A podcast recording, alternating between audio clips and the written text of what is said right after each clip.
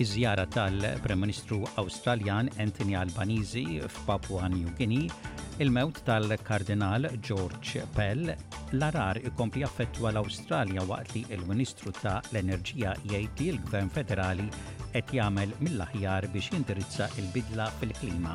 Insellmilkom dan huwa ġo għaxa bulettin ta' aħbarijiet miġbura mir-riżorsi tal-SBS.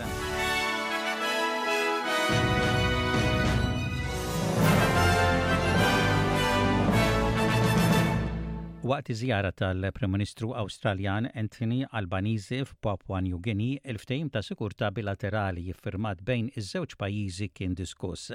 Iż-żewġ gvernijiet ċaħdu li l-ftehim kien b'reazzjoni ta' ansjetà f'dak li għandu x'jaqsam ma' l-indħil miċ-Ċina. Doctor Malcolm Davis li huwa analist ewlieni dwar id-difiża, l-istrateġija u l-kapaċità fl-Istitut ta' l-Istrateġija Awstraljan f'Canberra jgħid li dan il-ftehim huwa vitali għat-tisħiħ tar-relazzjonijiet mal-eqreb pajjiż ġar importanti.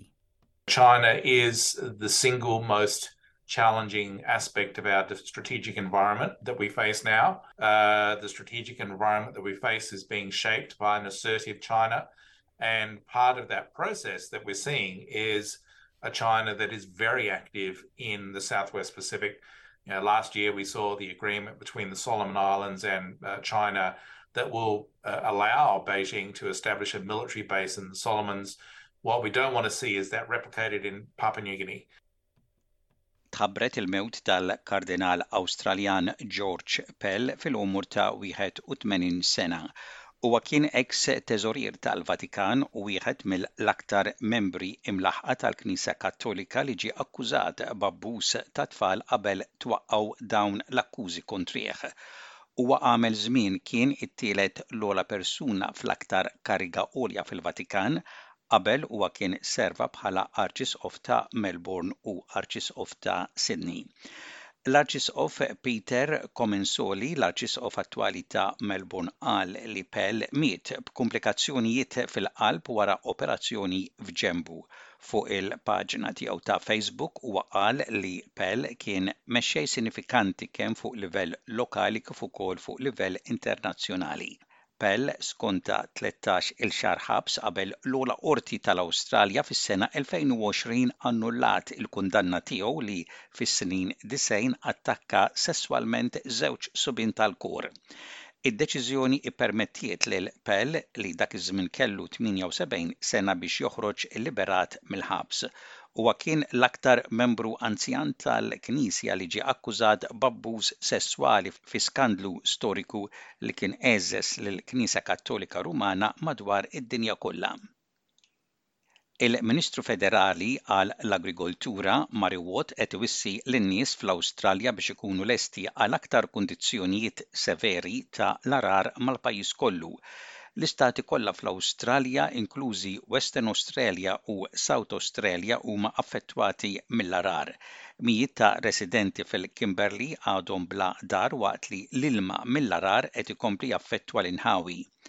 Murray Watt qed iwissi lin-nies fl-Awstralja biex ikunu lesti għal aktar kundizzjonijiet ta' għarar mal-pajjiż kollu waqt li assikura lir-residenti affettwati mill-għarar li hemm ħafna mekkaniżmu ta' għajnuna biex iservu ta' għajnuna f'kundizzjonijiet bħal dawn.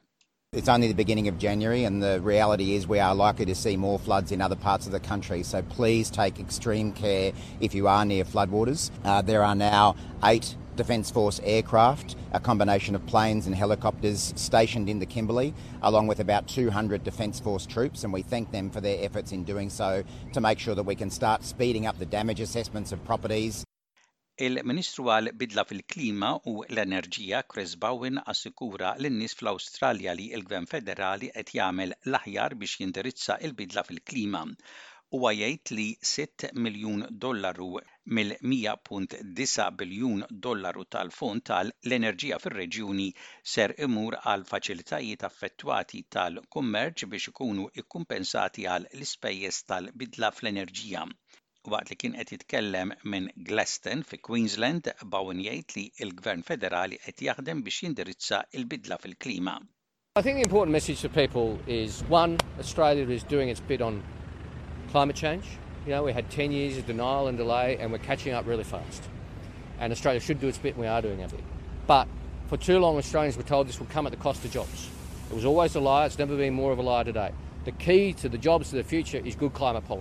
and that's what we're delivering today.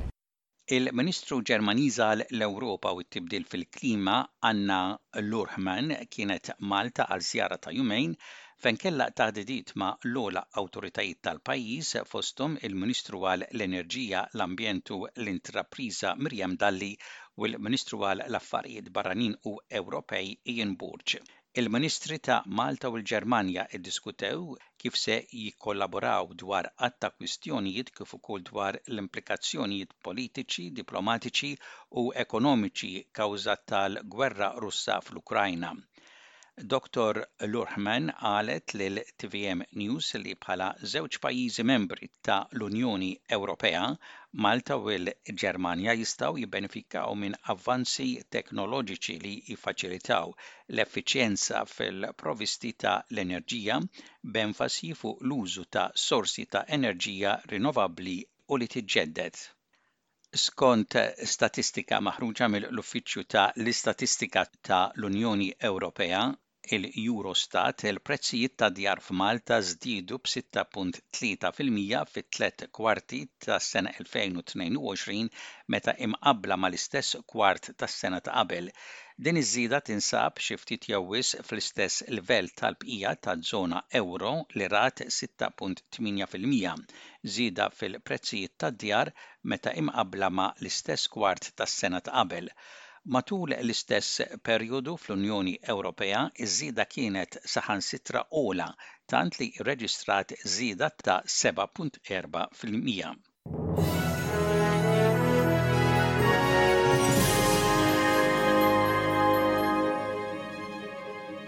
Fl-isport, futbol, Australia ħabbret multi kbar għal Melbourne Victory wara li l-logħba ta' l-A-League ix-xahar l-ieħor kellha tieqaf minħabba l-vjolenza.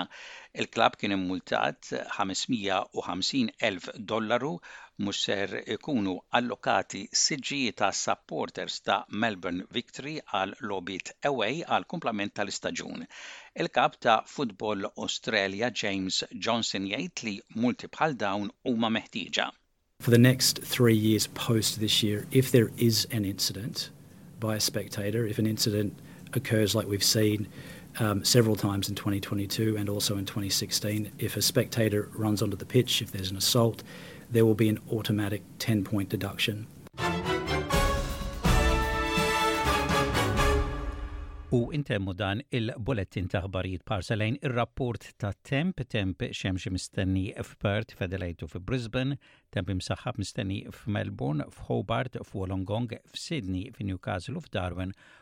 u possibiltajiet ta' ħalbiet tax-xita mistennija f'Canberra u f'Cairns. Dak kien bulettin ta' aħbarijiet mir-radju ta' l-SBS sal-lum il-Ġimgħa it-tlettax il-jum tax-xahar ta' Jannar tas-sena 2023.